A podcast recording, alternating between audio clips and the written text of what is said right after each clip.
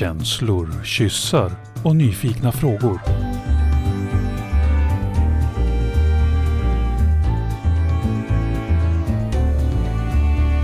Pollyprat med Minna och Karin. Hej och välkomna. Det är så härligt att få vara igång igen och få möta alla fina människor. Jag är på ett alldeles förskräckligt bra humör och det känns så skönt för jag har varit så dyster så länge. Hur är det med dig Minna? Det är bra, det är bra. Hösten rullar på. Jag har det ganska stabilt eh, i min tillvaro just nu. Jag jobbar mycket på min egen stabilitet och eh, lugn och ro eh, och mina, min egen rytm så gott jag kan med, eh, försöker ha mycket fysiskt arbete eh, med kroppen eh, och eh, så lite drama i mitt liv som möjligt. Så är läget med mig. Ja, och jag fick ju faktiskt träffa dig Mm. i helgen. Ja, mig och eh, min Metas familj och Mm. massa människor. Mm. Det var helt fantastiskt att få åka upp till er sommarstuga och hänga och alla barn bara får runt och vi Ja, Det var bastade. väldigt och- mycket barn. Ja, och det var, det var roligt för de var sådär, skötte sig själva så att man kunde hänga och göra massa annat och så pratade det, blev det massa spännande prat överallt. Eh, liksom. Människor som diskuterar politik och världsläget och så blev det någon slags, eh, kulmen blev någon slags finsk basturitual med era finska bastumössor. Ja, ja vi har Ylle. finska tjocka yllemössor som eh, jag tror inte de är finska, jag tror ärligt talat de är från eh, Sankt Petersburg. Eh, med De ryska. ryska. Det är de ryska bastumössorna. Ja, alltså jag måste säga för alla som inte har sett eh, eh, män i rysk bastumössa, då ska jag säga att det är en syn. Det är allt jag har att säga om saken. Man ser ut som en... Alltså, Ja, men vi var väl en sex, sju stycken där inne i bastun i rysk bastumössa. Så att det, Så Ja. snyggt. ni Ja, det var framför er. Mm. Ja, och med eh, vedbastu och med vatten som hälldes över och, och så var det ungar överallt också. Nej, det var jätte, jätte, jättemysigt och vi eldade. Ja, så vi har ju faktiskt fått hänga, det är jag jätteglad för det Minna.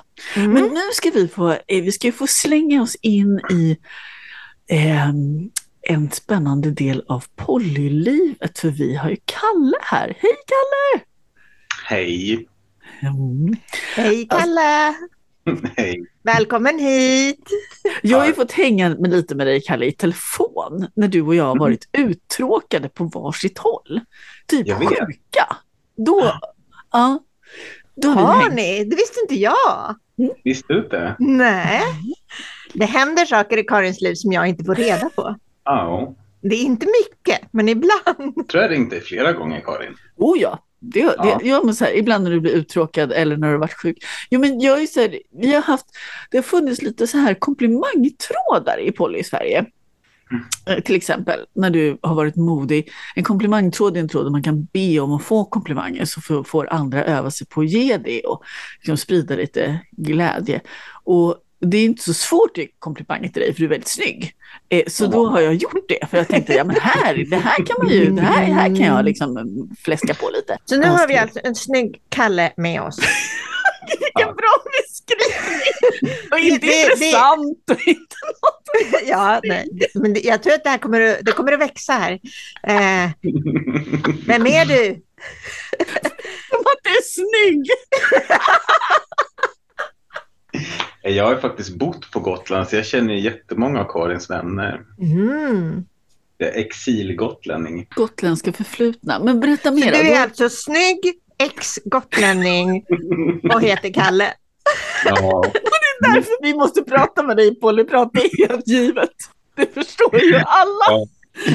Nej, men jag, jag har levt flersamt ganska länge. Jag har nog själv definierat mig som flersam i 11 år. Eh, och jag har haft, eh, jag, just nu är jag singel, lite ovant. Eh, och jag har haft ett långt äktenskap och jag har haft en flickvän under många år. Mm. Lång relation. Sådär. Så du kommer ifrån de här långa relationer. Är det liksom ungefär samtidigt i tid som de har tagit slut eller hur, liksom, hur har det sett ut det där? Jo, men det, det är hyfsat nyligen. Mm. Hyfsat nyligen. Men de är långa. Hur mår du? Jo, men jag mår oförskämt bra. Ja. Jag har skaffat mig Tinder-appen. Det är roligt. Eh, nej, men jag mår bra. Så där är du, någonstans så här, vad, vad händer då, då om, om du skulle liksom ge oss en bild av från, två, från långa relationer och stabila relationer? Mm. Ska vi, ska vi börja med början då? Hur kom du in på flersamhet överhuvudtaget? Vill du berätta något om det? Jag, jag, jag är så uppenbar man. Jag drömde om, om massa sex. Jag hade längtan efter Mm. det. Eh, och eh, det vet jag inte om jag har fått så mycket mer sex av att vara flersam. Jag har fått någon slags, jag har fått någon slags crash course i svåra samtal. Jag har fått lära känna mig själv. Jag har fått jobba med emotionellt arbete. Men det vart liksom inga orgier som jag hoppades på. Eh, sådär. Utan jag fick massa härliga, fina människor i mitt liv. Jag fick massa kärlek. Ja, och någon slags kurs i kommunikation och svåra samtal. Jag hade en Mm. helt annan bild av vad jag skulle få när jag gav mig in i det här. Jag Mm. trodde att jag skulle få någonting helt annat. Men, eh, nej, men det har blivit bra. Men, men känner du att du identifierar dig som, som att det är som en läggning eller är det som ett livsval som du gör? Ja, men jag har nog alltid varit kär i, i många människor. Sen är det väl sen jag började liksom hitta de här forumen jag, jag började läsa de här böckerna, Etiska slampan och alla de här klassiska böckerna. Och då började jag väl någonstans hitta sig. Men det är kanske någonting sånt här. Men sen, jag började ju liksom som någon slags sexuell resa och försöka upptäcka mitt liv. Eh, och, och experimenterade med frikort och, och liksom lite åt det hållet. Mm. vad, Och- vad menar du med det? Frikort? Bara man förstår. Jag fick ligga med andra och pussa på andra. Ehm, och, och det där vart mer och mer och sen, sen vart jag ju med flickvän till slut. Ehm, och, och, och den här, min, min, min finaste erfarenhet, det var en, en lång relation med, med en tjej. Och, och hon vart ju en del i familjen liksom. Mm. Jag tror att jag, jag brukar nog tänka i termer som köksbordspoly finns ju sån där term. Hon, Mm. Sådär. Och vi är väl i princip helt öppna med alla. Det var svårt att komma ut för min mamma. Och jag hade någon jobbarkompis som bara tittade på mig och tänkte att du är dum i huvudet. Eh, Men annars så har det gått jättebra att komma ut för i princip alla. Och nu tror jag att jag är öppen med alla. Jag tror det. Var det ett val du ville göra? Det här att vara öppen? Eller var det någonting som var så här, hur gick den resan till? För många vi pratar med är ju någonstans mellan, alltså är på väg i det där med öppenheten och kanske inte hundra helt öppna. Jo, men det var, jag tror att den senaste, det där går i etapper. Liksom. Först tänkte jag lite så här, måste jag vara öppen? Jag vet inte vad deras barn och hund heter, jag vet knappt om de har sommarstuga och så ska jag basunera ut liksom massa privata saker. Det blir jättekonstigt på något sätt. Ja, det blir obalans. Mm. Ja, men Ja. sen var det så att det var, det var en gång eh, när jag hade en, en partner som var extremt viktig för mig. Och så var det ett sammanhang där vi hade liksom inte pratat igenom vilka som visste och inte visste. Och hon, hon tyckte det var skitjobbigt och, hon, och, och, och det var fel av mig att inte vara öppen. Och det var liksom en konstig situation då hon började förhålla sig till vilka vi berättat för och inte berättat för. Och då sa jag så här, du ska aldrig behöva, du ska aldrig behöva vara med om det här. Så att jag, jag bara berättade för alla, även för folk som kanske inte ville veta, för att jag ville aldrig att hon skulle råka ut för det igen. Mm. Hon skulle liksom inte hamna i en situation där hon började förhålla sig. Och det, det där är ju liksom svårt för... Det är svårt som det är att ha polyrelationer och så ska man på det också liksom förhålla sig till dem. Alltså, det ska inte... Nej, det var liksom fel att det var som om det var en hemlighet liksom. Mm. Det var, det var smärtsamt och jag, jag vill inte göra det mot henne. Så då, då bestämde jag att när jag ska vara öppen med alla. Då berättade jag bland annat för min jobbarkompis. Han bara tittade på mig som att jag var knäpp. men, Varför berättar du det här för mig eller är Ja, du en idiot? Mm. Eller? nej, men, men varför, så här, var, han sa så här, det där, du är så ung, det där är någonting som unga människor håller på med. Så här, jag fattar inte.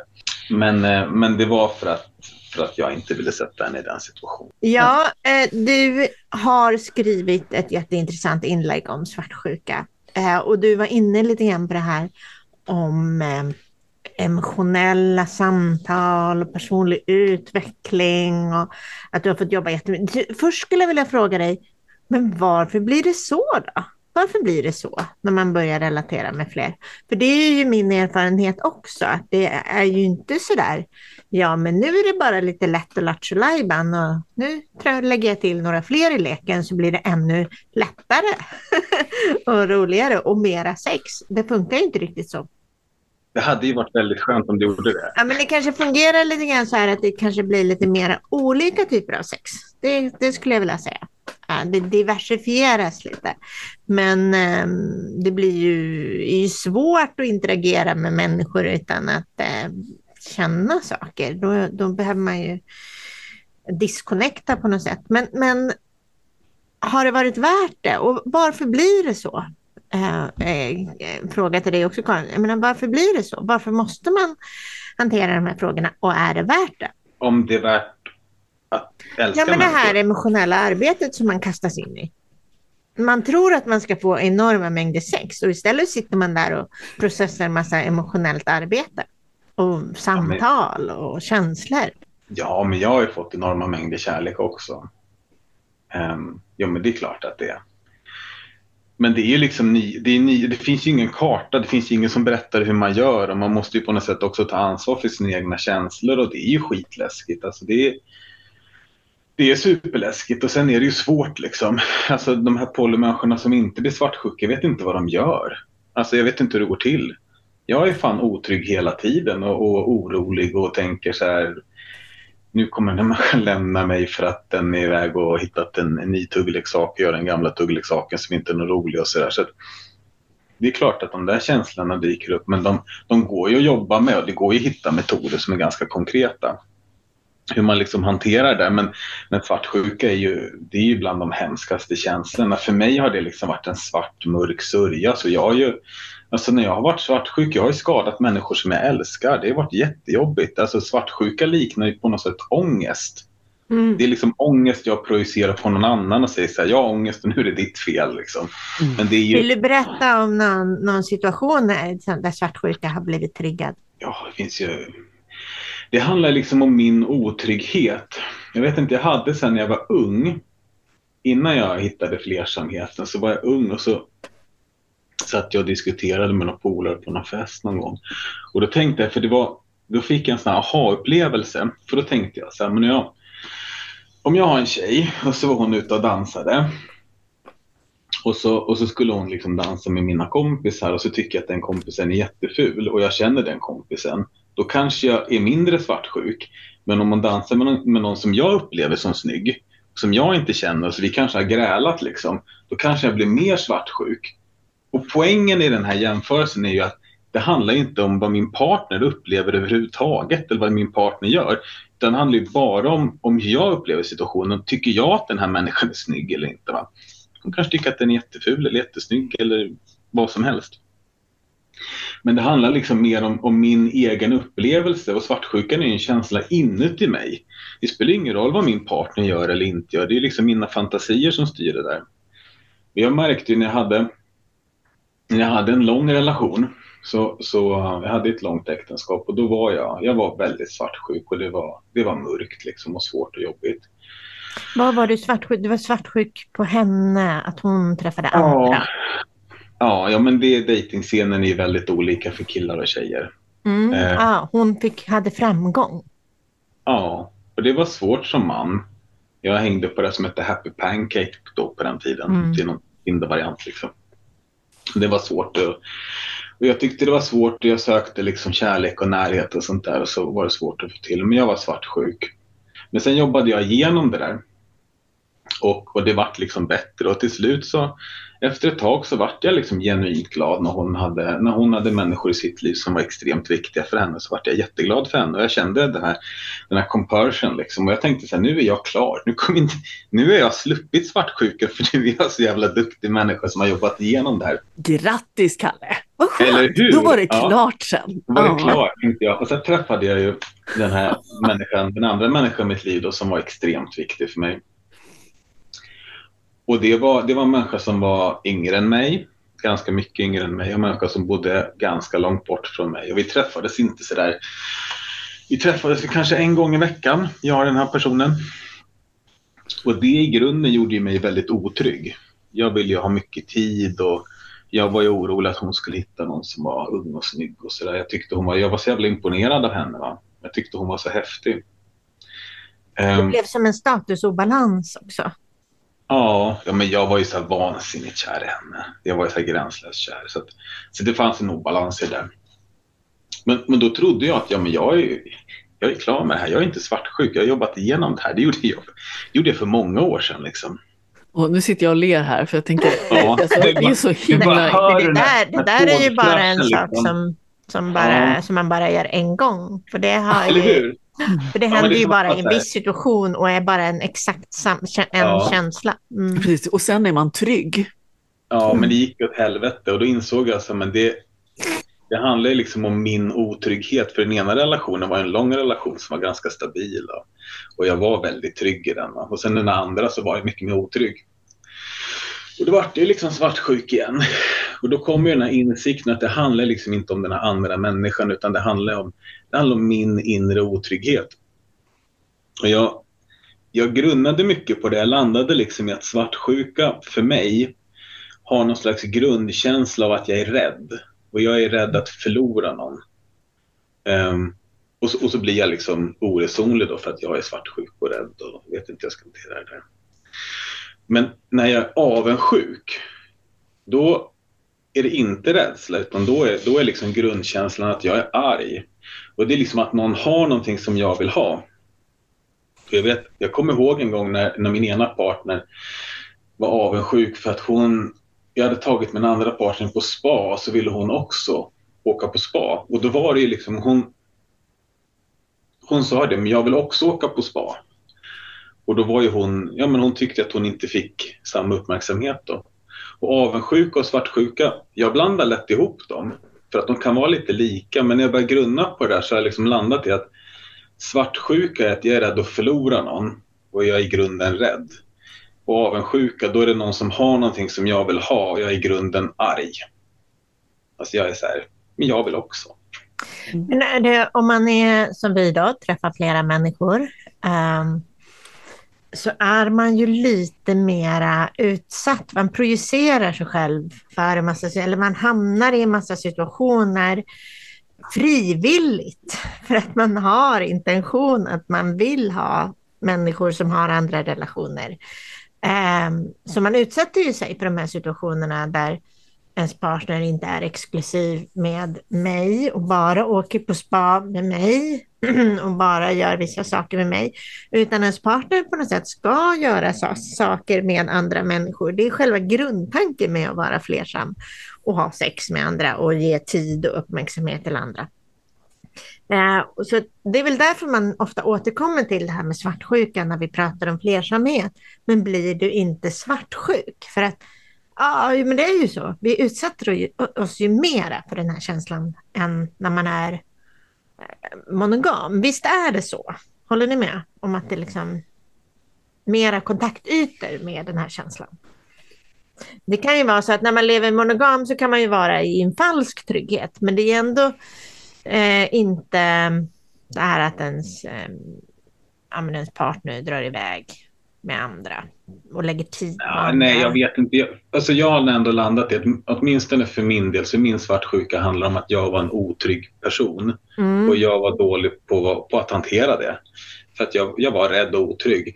Men jag menar, jag har ju varit i monogama relationer tidigare där jag också varit otrygg och då, då gick det också till helvete. Så Eh, det är inte en sak som är, är mer förknippat med fler- flersamhet än... Nej, och jag skulle snarare säga tvärtom. För att när jag, när jag började bli flersam, då tvingades jag kommunicera. Och jag tvingades jobba med mig själv. Jag tvingades äga min egen skit på något sätt. Så här. Det finns ju own Mm. your own shit på engelska. Mm. Och när man börjar jobba med det där och man faktiskt liksom tar det att det här är svårt, relationer är svårt, nu är det flera människor, jag måste vara försiktig och så jobbar man med det där, då blir man ändå en tryggare människa. Alltså jag har blivit tryggare i mina relationer. Det är det bästa som har hänt mig i mina relationer, att jag öppnade upp och blev flersam. För att då fick jag en mycket bättre kommunikation i relationen och jag var tryggare. Så, Mm. så, jag, så tänker jag. Ja, jag, eh, jag tycker också det är intressant Minna, för att jag, exponeringen, eller, eller så här skulle jag nog säga, det där som jag gick runt och var rädd för i monogama relationer, Det händer ju. Ja, det händer i alla fall. Alltså, Ja. det, ja, det händer i monogama relationer, men i polyrelationerna så får jag ju chansen att det händer och det kan vara så att människan är kvar. ja. liksom. Det, Och jag det där- får ta det hand om värsta. det och jag får prata Ja, om det och jag får precis. säga att nu känns det så här. Det värsta som kan hända i en monorelation i, i det vanliga narrativet, det är ju liksom att någon blir kär och har sex med någon annan. Sådär. Så, så ser ju liksom narrativet ut. Mm. Och i, i våra, i, i polyvärlden och i flersamma världens sätt att göra relationer så händer det här. Alltså, det, min partner eh, kan bli, men, men, men många av oss har ju ändå haft erfarenheten av det. Att, bara, att en eller flera eller människor i, liksom, som jag gör relation med också är kära i andra och har sex med dem eller är nära dem på olika sätt. Så då är Dels har ju så här, det värsta har hänt, men det som händer efter det då är ju, men hur hanterar jag att den här, jag tror att den här, alltså jag är ju, önskar ju, Kalle, att jag kunde säga att men nu är jag förbi det där, jag är så himla trygg nu, det är så fint, jag blev poly och så jobbar jag igenom alltihop och nu är det så jävla harmoniskt, det är inte alls. Ja, Eh, jag- men Karin, hallå. Någon personlig utveckling har du faktiskt gjort under de här sista tio åren. Ja, det tror jag. Det tror jag. Eh, jag tänker att eh, du kanske är jätteotrygg, men det, liksom, du har ju ändå saker och ting, har, du- har ju processat så otroligt mycket av de här typerna av känslor. Det har jag. Eh, Det har jag. Ja, men eh. jag tror att jag är lättare, ja, men till exempel så här, jag har precis blivit, jag har precis blivit kär.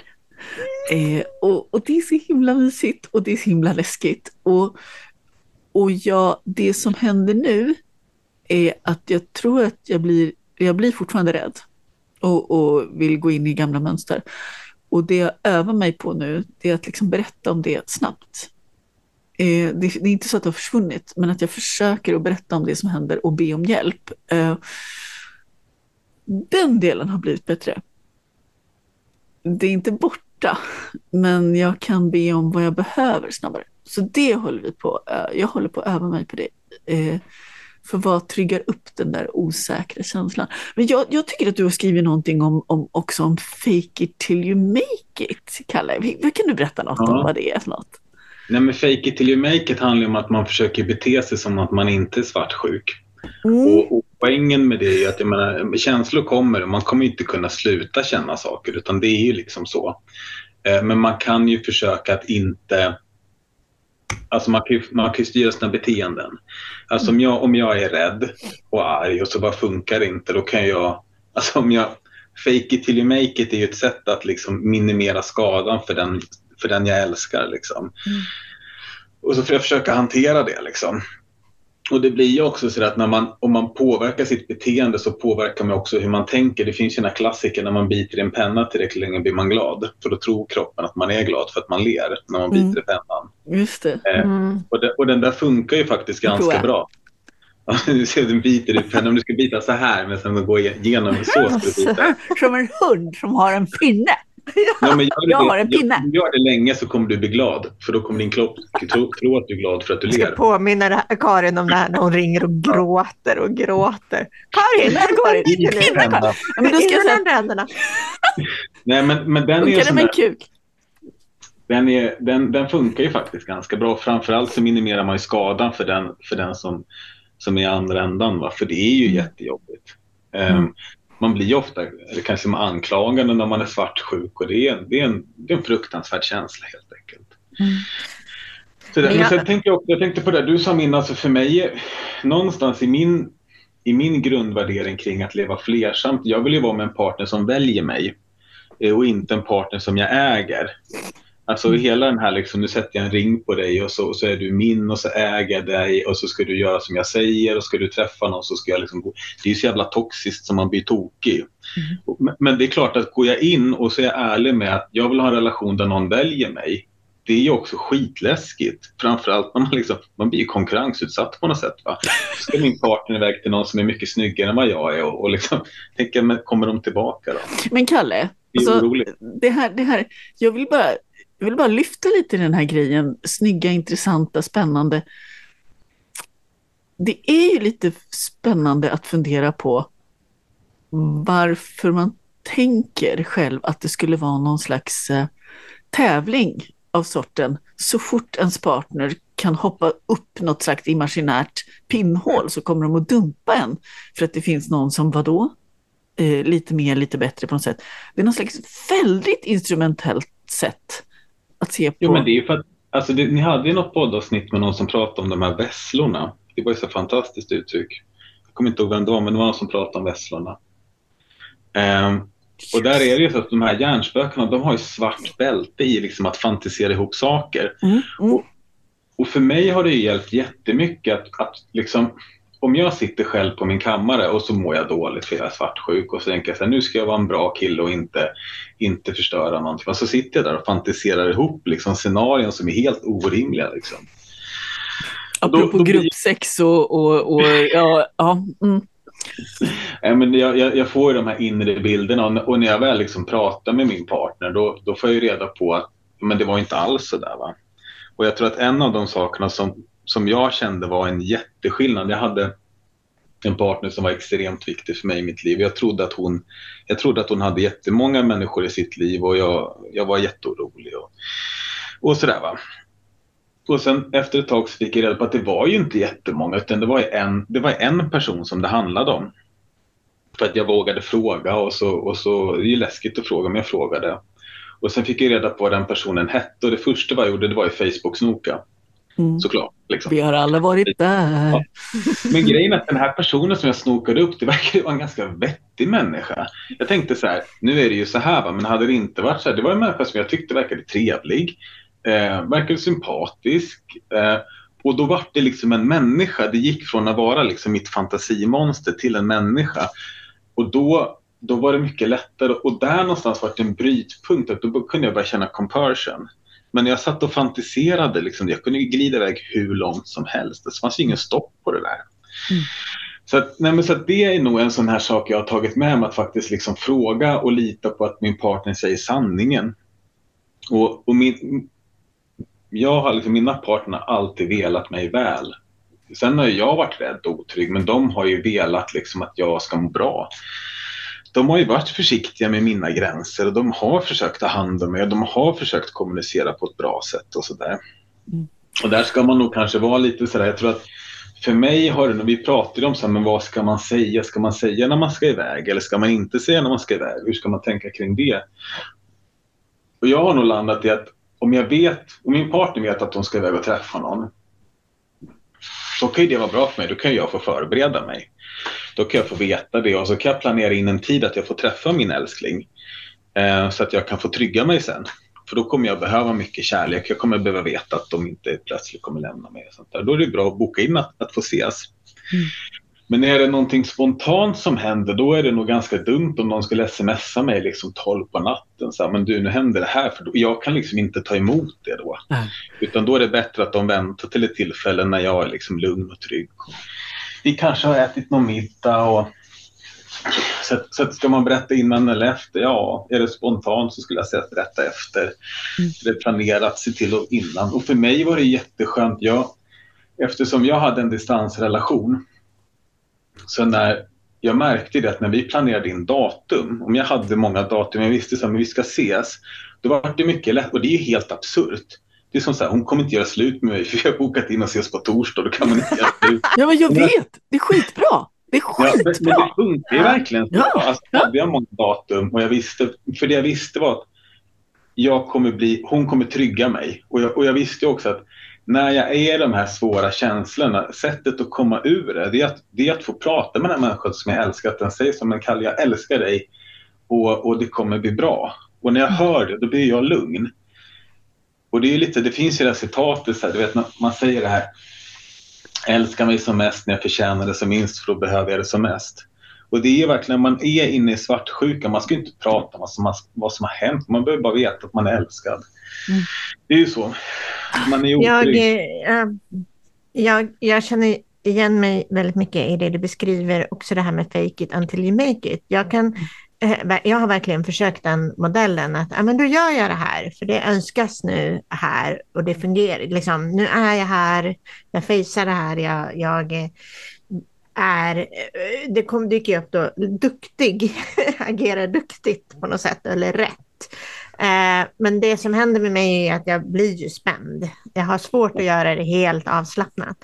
Eh, och det tenderar att bli lite ångestframkallande. Och det, det sa ju du där, Kalle, i början, att, att svartsjuka när GG, svarta svart, svartsjukan, ja. är ju ofta ångest, ren ångest. Och jag har ju haft en del problem med ångest eh, tidigare. Eh, och jag tycker det är ganska svårt. Eh, nu har jag lättare att särskilja, men hallå, det här är ångest. Det är inte någonting som är sant och verkligt. Nu, nu är det mycket enklare för mig än vad det har varit, men det har ju varit en process i sig. Eh, men ångest är ju rätt tufft att vara själv i. För ofta mm. med de här mm. processerna, att man ska ta ansvar för sitt eget, man ska ta ansvar för sina egna känslor, man ska vara så lite duktig i det där. Och så får man ångest och då så ska man hantera det själv. Jag är inte så mycket för det där självet, därför att jag tänker att det finns, det, det är liksom massor med sidor man be, som jag behöver göra. Mm. Dels förstås eh, som ni, de du pratade om, Kalle, det här med att be om, alltså är det en distansrelation, be om tid, be om återknytning, be om liksom det där som tryggar upp. För det lugnar nervsystemet att veta istället för att oh, vi har en dejt någon gång, det finns ingen bestämd tid, äh, men då kan det spinna. Men sen att, att ha eh, rutiner, jag, jag, tänker på när vi har pratat om svartsjuka förut Minna, så har det varit lite olika men för de flesta så brukar det vara bra att hitta något sätt för att men hur återknyter vi till varandra? Mm. Du och jag är ju olika för det till exempel. Jag, jag menar, för jag är en sån som vill ta i mig. Ta i mig, eh, klä av mig kläderna, eh, helst älska med mig och sen kan vi prata. Och, och, och, när jag säger det så får du någon slags här, eh, eksem, eller hur? Nej, inte riktigt. Jag, jag jobbar med det, men jag, jag behöver bli pratad med. Ah vem blir pratad med. Um, men jag tror att jag, jag, det där som du sa, Kalle, så här, det kommer att bli bra, mm. är ju, är ju så magiska ord som fungerar på mig. Det behöver inte vara mer prat än så, men det får absolut inte vara något försvarstal eller någon form av defensivt eh, mm. eh, liksom den här känslan av att jag anklagar dig, du behöver försvara dig. Att det finns en sån stämning i luften för att jag har ångest och därför säger jag någonting för att jag är i en triggad, rädd situation och då börjar du försvara dig. Då uppstår ju inte den här känslan, det här kommer att bli bra. Men att få mötas av de orden, det är ju, mm. när, när jag har ångest, då är det ju så här, det är som magi. Åh, fint. Åh, fint. Det behövs inga fler ord. när man liksom är mitt uppe i de där starka känslorna. Jag, jag bestämde mig för en sak som jag tyckte var ganska bra. Och det är en sån som jag, jag skrev ju, i det här inlägget på Facebook, det var ett brev jag hade skrivit till mig själv. Mm. Då skrev jag ett brev till mig själv med saker som funkar för mig. Och så tänkte jag att jag skulle liksom dela det, för det är säkert massa andra människor som också har gått igenom den här, den här resan. Um, så det var ju liksom mitt personliga sådär. Men för mig så funkar det ganska bra. När jag liksom känner så här, men nu, nu tycker jag det här och så vet jag någonstans att det är en jättedålig idé att berätta det för den människan jag älskar. Då, då, då sa jag till mig själv så här, om jag tänker den här tanken men jag är fortfarande upprörd om 24 timmar, då får jag ta upp det med min älskling om 48 timmar. Så. Det här är helt obegripligt för mig. Kan du, kan du förklara ja. hur i hela helvete man ska låta bli det här så himla ja, länge? Men för någonstans så blir det så här, för då säger jag till mig själv, jag tillåter mig, alltså jag vill säga det här, jag vet att det kanske är en dum idé och jag får göra det. Om jag tycker att det är en bra idé om 24 timmar så får jag ta upp dem 48 timmar. Och då liksom om 48 timmar, du vet en normal känsla sitter i tre minuter om man inte underhåller den. Mm. Jag hörde en sån fantastisk metafor förut om det där med känslor. Det var en jag tror att det var någon psykolog någonstans som hade en sån här typ en petflaska med, med vatten och glitter i. Va? Och så sa hon så här, när man mår dåligt då, då brusar känslan upp och så skakar hon på den här petflaskan och sen liksom, så lägger det där sig efter ett tag. Va? Men om man går och petar på den där flaskan och man går och tänker på den där, liksom, tänk om det blir så här, tänk om det blir så här, tänk om det blir så här och så blir man, liksom, man går och eldar upp sig så går man upp i känslan. Då kommer man ju skaka på den där flaskan med glitter i hela tiden och det, liksom, det får ju aldrig tid att landa. Mm. Så det, det, det, kan vara ganska bra liksom ändå säga till sig själv att om jag får ta upp det här om 24 timmar. om jag tycker om 24 timmar, då får jag ta upp det 48 timmar. Och när man väl tar upp det med den som, som man, man är rädd att bli lämnad, då, då kommer de i alla fall inte ta upp det i affekt. Liksom. Och det handlar väl mycket om att inte liksom, att äga sin egen skit. Det är en sak om jag är i affekt och måste säga någonting till någon, då, då blir det ju fel såklart. Men om det får gå lite tid och jag får tänka igenom, då kanske jag kan formulera det som att egentligen handlar det om att jag är jätterädd. Jag behöver veta att du tycker om mig. Jag är rädd och jag tycker det är supersvårt. Och då är man liksom inte anklagande på samma sätt. Och då, mm. Även fast jag kommer nog aldrig kunna liksom sluta vara en otrygg och icke svartsjuk människa, men jag kan ju påverka hur jag, hur jag agerar på känslan och hur jag beter mig. Mm. Och det är en väldig skillnad för den... Jag ska ju hitta någon ny söt tjej i framtiden. Liksom. Mm. då är det bra att jag, bra att jag jobbar med det här. Så.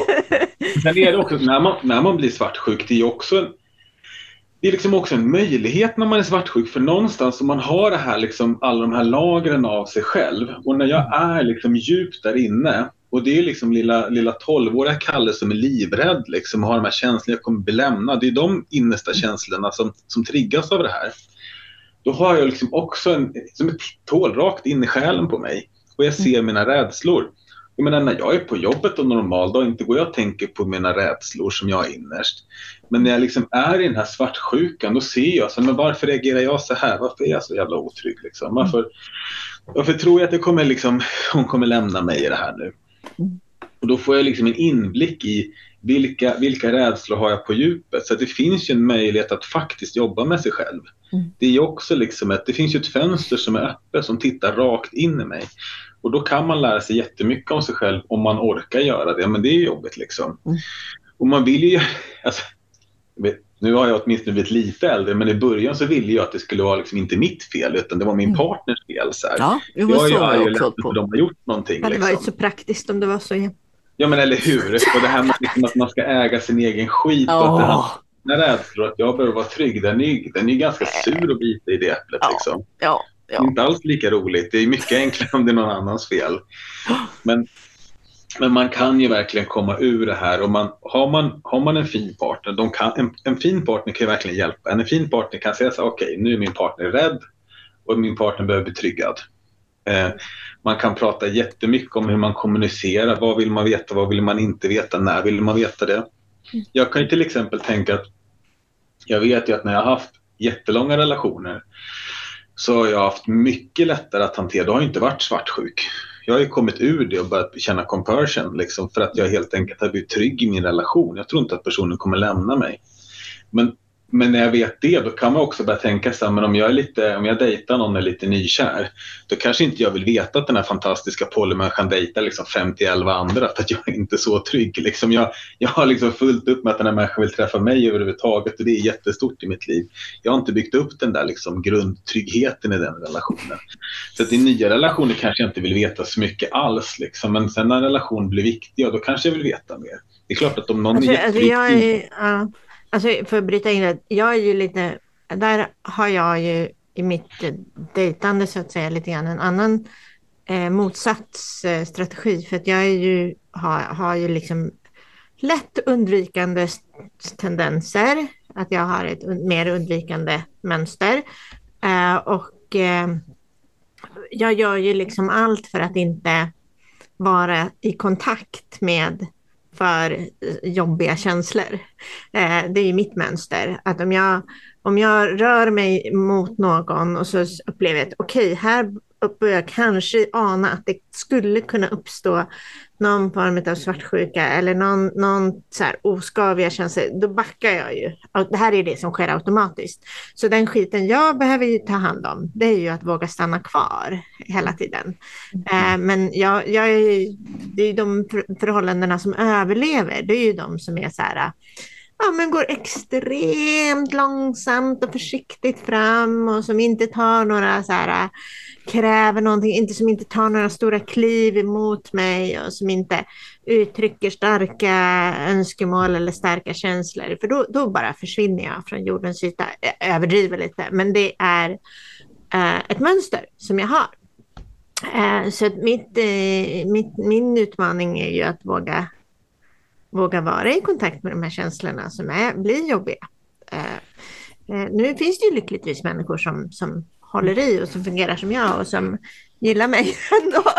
det, så jag, det är inte stendött, men det är mm. liksom, ja men ni fattar. Det, eh, så det du beskriver, Kalle, och som jag vet att Karin också kämpar med emellanåt.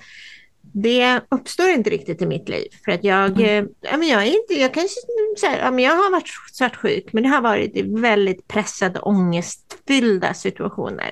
Mm. Men normalt sett så är jag mer så här, ja, ja, nej, jag vet ingenting och jag har inte kontakt med några känslor och jag känner inte så mycket och jag, jag har det mm. rätt bra.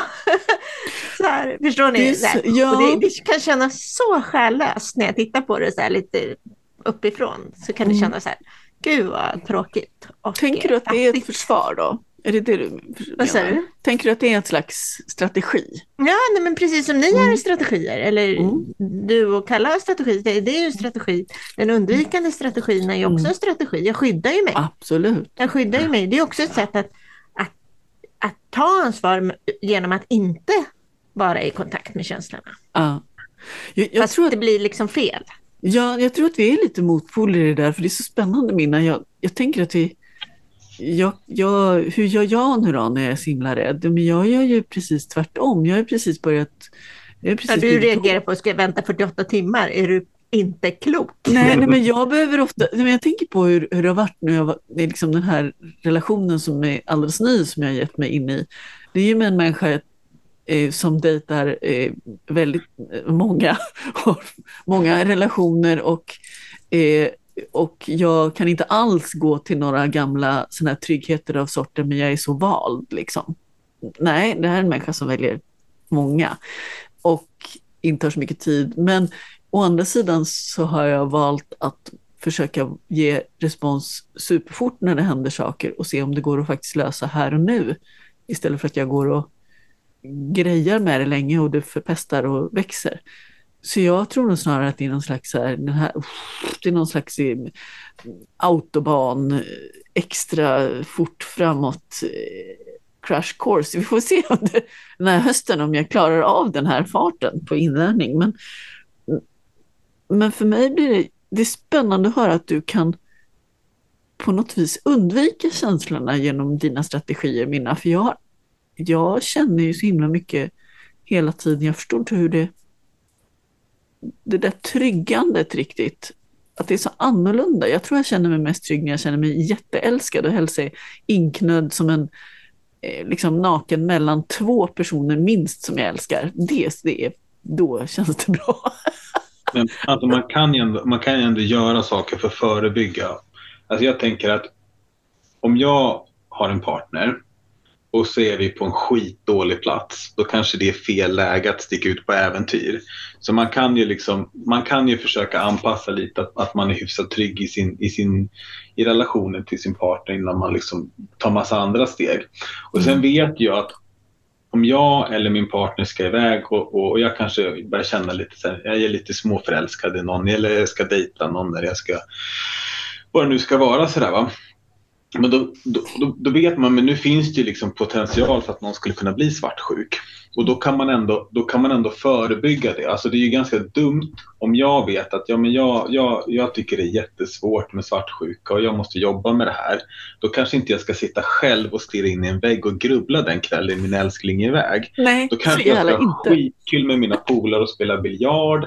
Eller jag kanske ska iväg och göra något roligt. Liksom. Så att mm. det här med att distrahera sig när man vet att det händer någonting för då kanske jag mm. inte ska sitta och grubbla för det blir liksom inte bättre då. Mm. Och jag, jag, menar, jag kan ju planera om jag vet att, det beror på hur man har i livet och sådär, man kanske har barn och sånt där, men man kan ändå distrahera sig på något sätt. Man kanske kollar på film eller gör vad som helst men inte sitta och grubbla den kvällen när man är mitt uppe i det där. För är det någonting man inte får göra, om jag känner mig så otrygg och nu är jag svartsjuk och rädd, och så har jag sagt där till min älskling att nu ska du iväg och, och gå på dejt och ha så himla kul. Då kan jag inte hålla på och skicka massa sms och vara otrygg och fucka upp deras dejt. Då är jag jättedålig. Då får jag liksom äga situationen och så får jag på något sätt det här är svårt, nu är mina känslor, så får jag prata men inte förstöra liksom. För man vill ju verkligen göra det när man är mitt uppe i de där känslorna mm. och det är så lätt att misslyckas. Ja men så har jag ju också, alltså jag har också varit där så jag ska inte säga att jag liksom aldrig är där men jag har absolut varit där att jag liksom att det dyker upp en liten jävel som vill förstöra. Liksom. Mm. Uh, och det är inte en behaglig känsla överhuvudtaget. Det, då brukar jag hör av mig till Karin. Mm. Det, alltså det är så här, då får jag ventilera med henne istället. Mm. Ehm, det fanns, ni har ju en, en, innan jag började lyssna på er fantastiska podd, för den är fantastisk, då lyssnade jag på den här Polly Weekly och de har ju bara 600 avsnitt. Jag lyssnade igenom allihopa. Men där fanns det en, deras, han som, eller hon som höll den där podden, hon hade en metod som hon kallade för discuss, distract och do. Och hennes Mm. poäng var att det där, man ska prata mycket om svartsjuka och säga att jag är rädd och sårbar, det här är svårt för mig. För då kommer ens partner vara snäll mot en och hjälpa en och stötta en. Och, och det är ju liksom svårt. Relationer är ju svårt om man inte är poly. Eh, Och sen ska man distrahera sig när, när, när det liksom är dags. Och sen efteråt så, alltså man, man ska bara se till att det händer och det blir ju bättre. Alltså det är alltid läskigt i början men, men alla mina relationer som jag har haft har det blivit bättre och bättre och bättre. Mm. Och, och, och när, mot slutet av alla relationer har jag faktiskt känt medglädje och jag har inte varit orolig. Jag menar mina relationer har ju liksom tagit slut av andra skäl. Mm. Eh, Men det är svårt med svartsjuka och, man, och- det är jättejobbigt för den som är tillsammans med någon som är svartsjuk för det är en jobbig känsla, man vill ju inte vara taskig liksom. Mm. Och det är ju så när en person är så, när man kommer fram till att nu ska vi leva och, och, och träffa andra och, sen, och så funkar det inte. Det blir ju jättesvårt det där. Mm. Men jag tror att om man bara pratar med varandra, om man vågar vara sårbar och säga att det här är jättesvårt för mig. Ja, men ens partner älskar en och de kommer ju trygga en liksom. Och det, och det blir ju bra. Och sen, Mm. jag har alltid blivit bra till slut. Bara man känner det här att jag, jag kommer inte bli lämnad liksom. Det blir ju bra. Sen kan man ju bli lämnad. Ja, men då hade man nog blivit det i alla fall. Ja, det är inte den här. Det är inte den Det där blir man i kanske. monorelationer också. Och det är Verkligen. också. Det är man ju liksom. aldrig skyddad ifrån på något Nej. sätt. Och jag menar, bara för att vi är flersamma så är ju inte vår kapacitet oändlig. Jag menar, någonstans så tar ju tiden slut också. Mm. Alltså, så är det ju. Hur, hur har du fått ihop, jag tänker nu, det är jättemycket bra strategier och så här som vi har fått höra. Och, eh, jag är också ett fan av uh, Polyamory Weekly eller Poly Weekly. Så, många bra avsnitt, in och lyssna liksom, folk. Verkligen. Ehm, dessutom är den väldigt välredigerad och de har väldigt sköna och behagliga röster, vilket är någonting som är så här, mm, och vårdad, vårdat språk och mm, det är mycket som killar min hjärna där.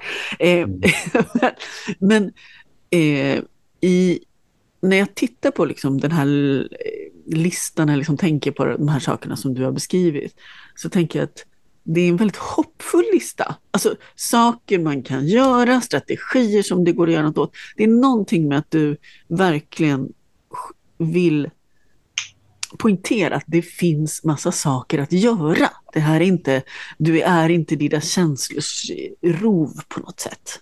Förstår jag det rätt då? Ja, men det, och det är också så att när jag, jag har ju lyssnat massor och försökt förstå svartsjuka. Och det är mycket sådär liksom, det är mycket fluff. Jag vill ha en metod. De här tio sakerna kan du göra och de funkar liksom. Mm. Och då vart det där Facebook-inlägget om svartsjuka. Och, det, och, och där får man väl ändå säga att det funkar för mig. Folk är superolika liksom. Det, Mm. Den är ju anpassad. Det där var ju mitt personliga brev till mig själv. Mm. Som jag tänkte så här, när jag är svartsjuk då måste jag läsa det här brevet till mig själv. Och det står ju många andra saker. Jag påminner mig om att min, att min älskling älskar mig. Att jag vet att de är försiktiga och jag måste ju lyssna på mig själv. Jag kan ju, jag kan inte tycka att jag själv är orimlig. Så när jag skriver ett brev till mig själv, även när jag är i affekt, så, liksom, så vet jag så att då säger dåtidsskallet till mig, men nu kan du vara lugn. Det, det blir faktiskt bra och gör Ja. inte det här och gör inte de här tabbarna och det Mm. handlar om det här. Det handlar om att du är rädd och otrygg Mm. och, och den här personen tycker om dig. Liksom. Mm. Och den funkar ändå. Den, den där listan till mig själv tryggade mig. Eh, Mm. så. Den gjorde det. Sen är det kanske lite töntigt att göra en sån där lista, men jag tänker Ja, att nej, funkar, nej, funkar det. Dels är det superbra att göra den till sig själv, men jag tänker att det finns en väldig poäng med att också faktiskt göra en lista till sina partners, om man nu har det. Det här, det, bara så ni vet, så här funkar jag, det här har funkat förut, eh, här är bra grejer att prova, det här tryggar mig. Eh, Använda manualen. Ja, men det är väl inte så här dumt, va? Alltså, beroende på om man har textbaserat eller pratbaserade människor omkring sig. Så. Eh, jag fick gärna en översättning eller har lämnat flera stycken översättningar på. När jag eh, säger så här så betyder det till exempel tvärtom.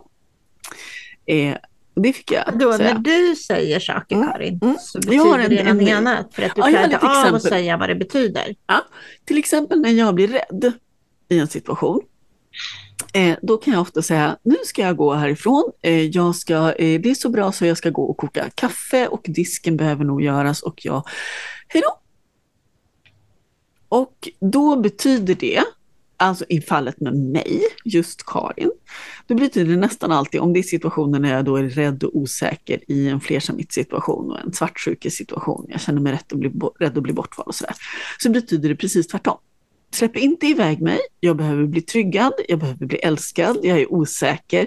Eh, typ sätt dig på mig och alltså, brotta ner mig i sängen om det behövs. Så. Ställ dig iväg. vägen. och för andra människor är det precis tvärtom. De behöver precis det där. Jag behöver en stund i fred. Och för flera partners till mig så har det varit otroligt svårt att lära sig. För de har ofta behov av att bearbeta saker i fred. Så de har ju tänkt, jaha, Karin behöver vara i fred. Och det spelar ingen roll hur tydligt jag säger att det är typ, det är ljug varje gång. Eh, men den här nya partnern jag har, hon är jävligt bra på sådana där manualer. Hon bara, okej, okay, översättningen går in direkt. Mm. Och då betyder det att jag kan lämna en manual när jag är i lugn och ro. Och sen när jag är i effekt, då klarar jag inte av att säga vad jag egentligen behöver. Men som tur är, säger hon, så säger du på precis samma sätt. Du är sjukt förutsägbar. Eh, jag säger eh, samma ord eh, och då kan hon översätta dem. Eh, så jag tycker att det finns lite fördelar med att lämna en manual. För för andra personer är det ju då precis tvärtom. Till exempel. De behöver betänketid, de behöver en paus, de behöver space. Och hur ska man veta när man är ny partner till någon? Det kan man ju faktiskt inte. Men man kan prata när man är lugn. Liksom. Mm. Har du sådana saker, Minna? Nå, nej, jag, om jag har någonting, om jag försöker komma på någonting. Jag har ju väldigt lite av det här eftersom jag liksom mer stoppar huvudet i sanden och låtsas som la la la, ingenting finns. Så det, det liksom, jag låter ingen komma dit eller ta mig dit. Men om jag har någonting så är det liksom att jag ans- överanstränger, överanstränger mig för att vara duglig och duktig. Mm. Och det blir ganska tydligt tror jag när jag blir så här att jag blir så här, jag ska vara så lite extra generös. Och, Ja, den där kan jag få Liksom för mig, lite att jag ska extra, klara liksom. av. Mm. Eh, och un, under det lurar det ofta en oro att inte bli godkänd. Så. Mm. Eh, men den är inte, inte sådana raka översättningar som du har. Mm. Det kan vara lite grann sådär, ja men ska inte ni göra, vill inte ni ha det här, ska inte ni, eh, jag, jag tycker ni är värda det här. Och så. Precis, jag kan ta hand om barnen. Åk. sådana saker. Eh, att jag ehm, lägger mig i eh, andra relationers väl och ve. Eh, vilket ju inte är mitt ansvar. Mitt ansvar är mina relationer eh, som jag har. Hur är det för dig, Kalle? Har du saker där det är bra att ha en manual för dig? Ja. Nej, jag har, jag, på min Tinder-profil har jag en bokstavlig manual. Jag la upp den på den här Det kontaktannonsidan. här är min svartsjukemanual. Nej, en manual, nej, en manual på hur jag funkar har jag. Den har jag läst, den är jätterolig. Supercharmig. Manual på någon gammal, jag vet inte, DVD-spelare eller någonting med så trianglar. Den är jätterolig. Nej, men jag vet ju en sak som, som, som jag märker när jag är otrygg så söker jag jättemycket bekräftelse. Jag är ju sån där och alla som känner mig väl tycker att jag är så jag bara knarkar bekräftelse. Mm. Eh, och jag tycker det är jättefint när du säger att jag är så fin. Jag bara sträcker på mig, bara lite glad och, och varm. Ja, men ni skulle veta, han är supersnygg. Det är synd att han är påklädd. Ja. Alltså, jag vet att det är en podd, men alltså vi kunde väl ändå få det? Alltså, hallå? Jag vet inte om jag ska svara på det. Eh, tack, svarar jag. Men, nej, men jag söker bekräftelse och, och jag tror säkert att mina gamla partners kommer väl säkert lys, lyssna på det här avsnittet och de kommer väl himla med ögonen när jag säger så att jag söker bekräftelse. Men det är ju det, när jag är otrygg så söker jag bekräftelse och, och det är ju svårt. Alltså jag, jag vet inte, det, det har säkert med anknytningsmönster att göra. Om du säger att du är Eh, undvikande och otrygg, va? men det finns säkert en koppling där. Eh, i att jag, att jag är bekräftelsesökande.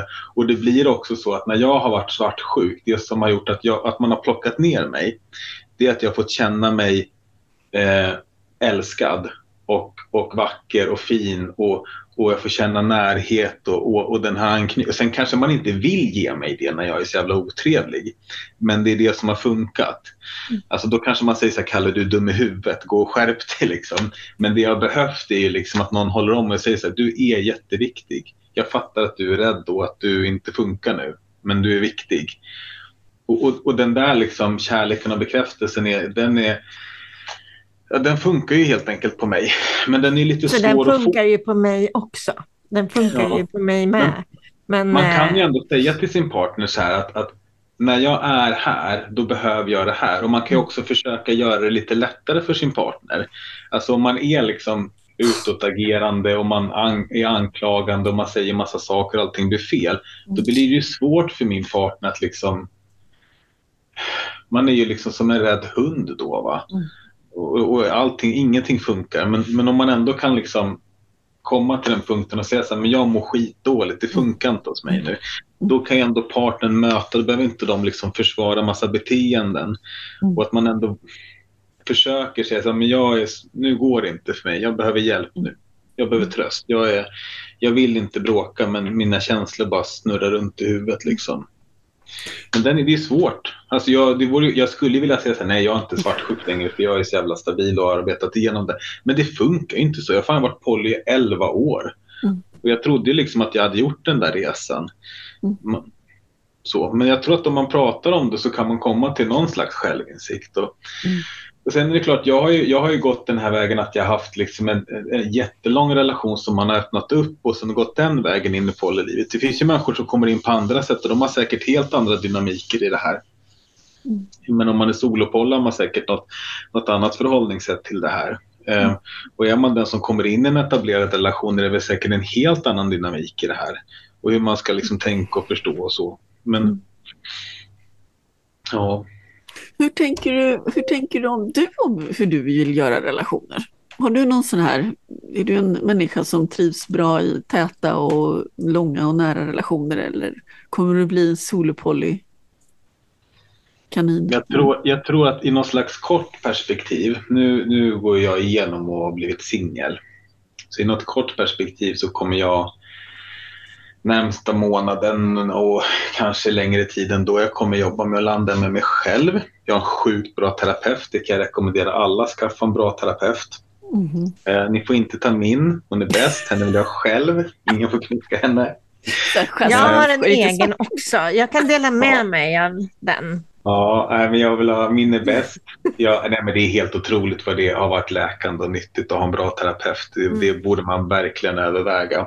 Och, och framför allt om man är liksom jag tror att om man är lite man, om man är man och så, ja, men som jag är, liksom, jag är ju stor man i ett, i ett väldigt machoyrke och, och det är ju mycket maskulinitet och då behöver man verkligen eh, jobba med sig själv och alla de här normerna man är så jävla fast i. Va? Så det har varit otroligt nyttigt för mig och läkande.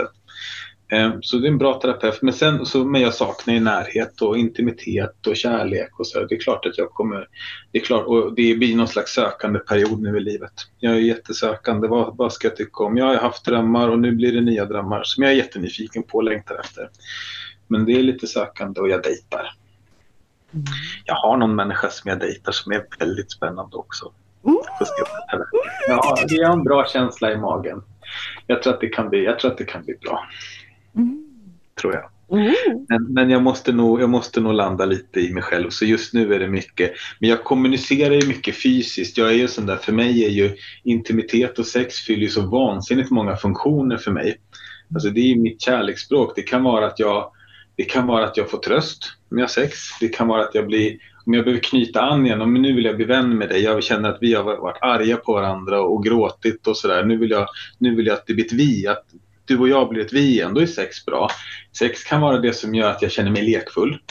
Sex kan vara det som gör att jag känner mig så stor och mäktig och manlig. Det kan vara det som gör att jag känner mig liten och omhändertagen. Det är liksom sex det, det, har så otroligt många funktioner för mig.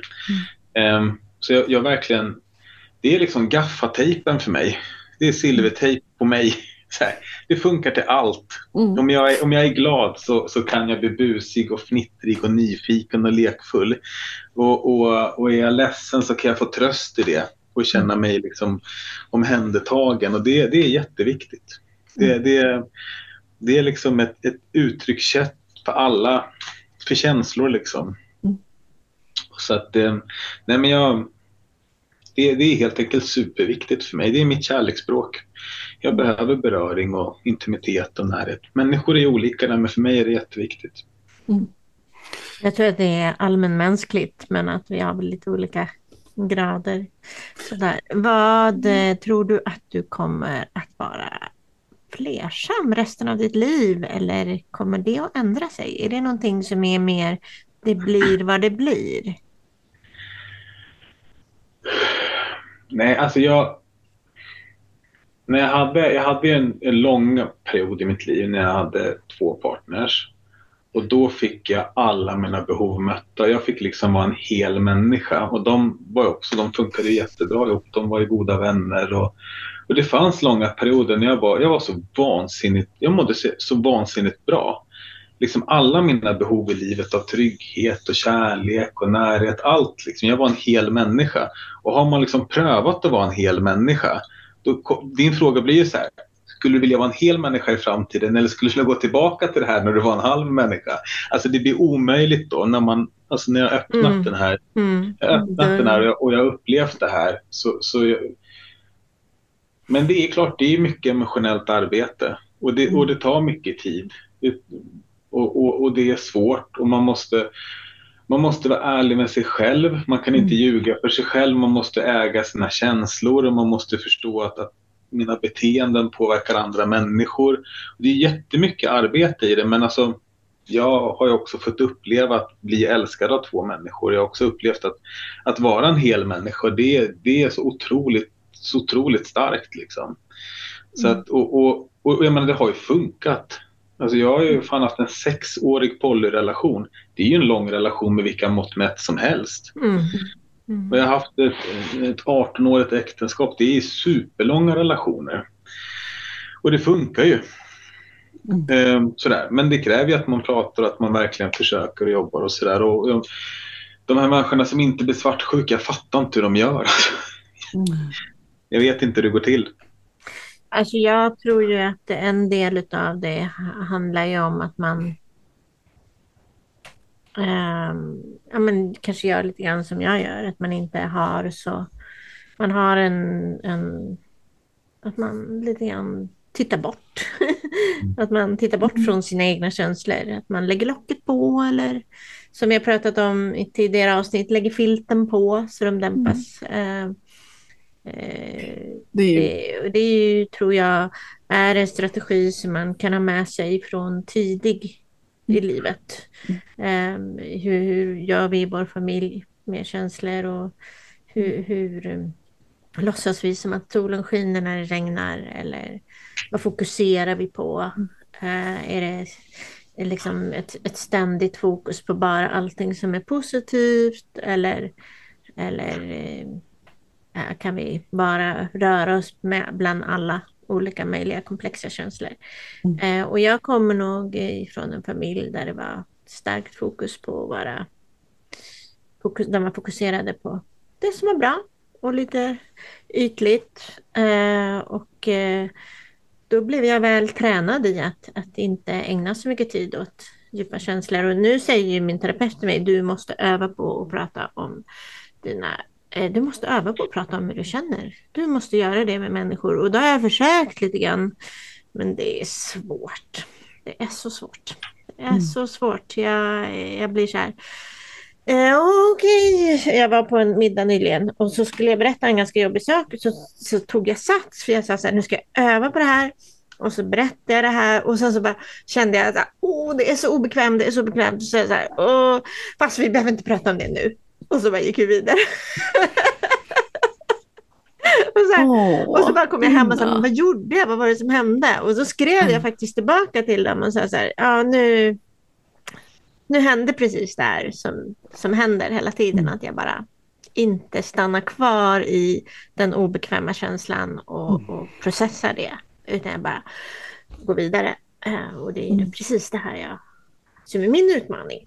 Så att vi har ju alla våra utmaningar. Liksom. Det, modig jag- jag- som steg till idag. Ja, jag kände mig, Mm. då hade jag precis också processat det i terapin. Så, Men, eh, ja. Supermodigt Minna. Men jag tror att jag också mår bra av människor som är ganska dramatiska och har ganska starka känslor för att då, får jag, då kommer jag inte undan. Ja, men det är så här, det är ju både och. Ja, tid, det är liksom sådana människor som jag skulle behöva ha mer av i mitt liv. Ehm, så länge Jag är de... här för dig älskling. För dig Ja. älskling. ja, jo, då. Känner och känner. Ja, men jag Nu ska vi ta och runda av tycker jag. Ja, tack så jättemycket Kalle för ett så fint samtal om, om eh, och jättemånga tydliga bra strategier. Och jag tycker det har varit jättefint att få prata med dig. Och tack Minna, fina du. Mm. Jag tänker när vi pratar, pratar om filten så vill jag skicka tillbaka till samtal eh, i Polyprat med eh, Peter.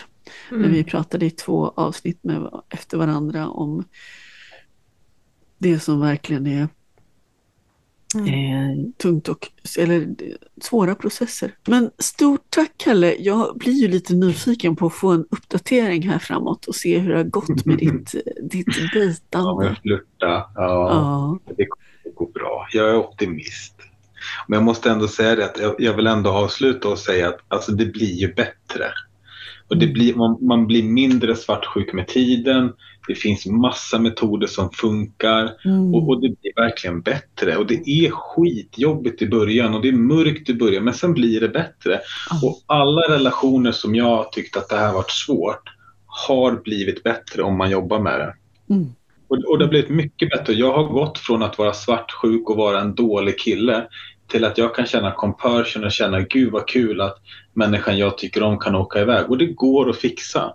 Sen hade det varit skönt om jag kunde göra det på 20 minuter. Va? Men det blir verkligen bättre och jag, och jag tror att när man brottas med det, när man är den svartsjuka människan, när man känner sig jag skäms för att jag känner det här och jag, jag är en dålig pojkvän i det här så det, det blir bättre och det kommer verkligen. Alltså bara man försöker så blir det så himla mycket bättre och, och, och, och det kommer lösa sig och polyrelationer funkar. De gör ju det. Ja! Ja. ja! Halleluja. Det tycker jag var ett underbart brandtal på slutet.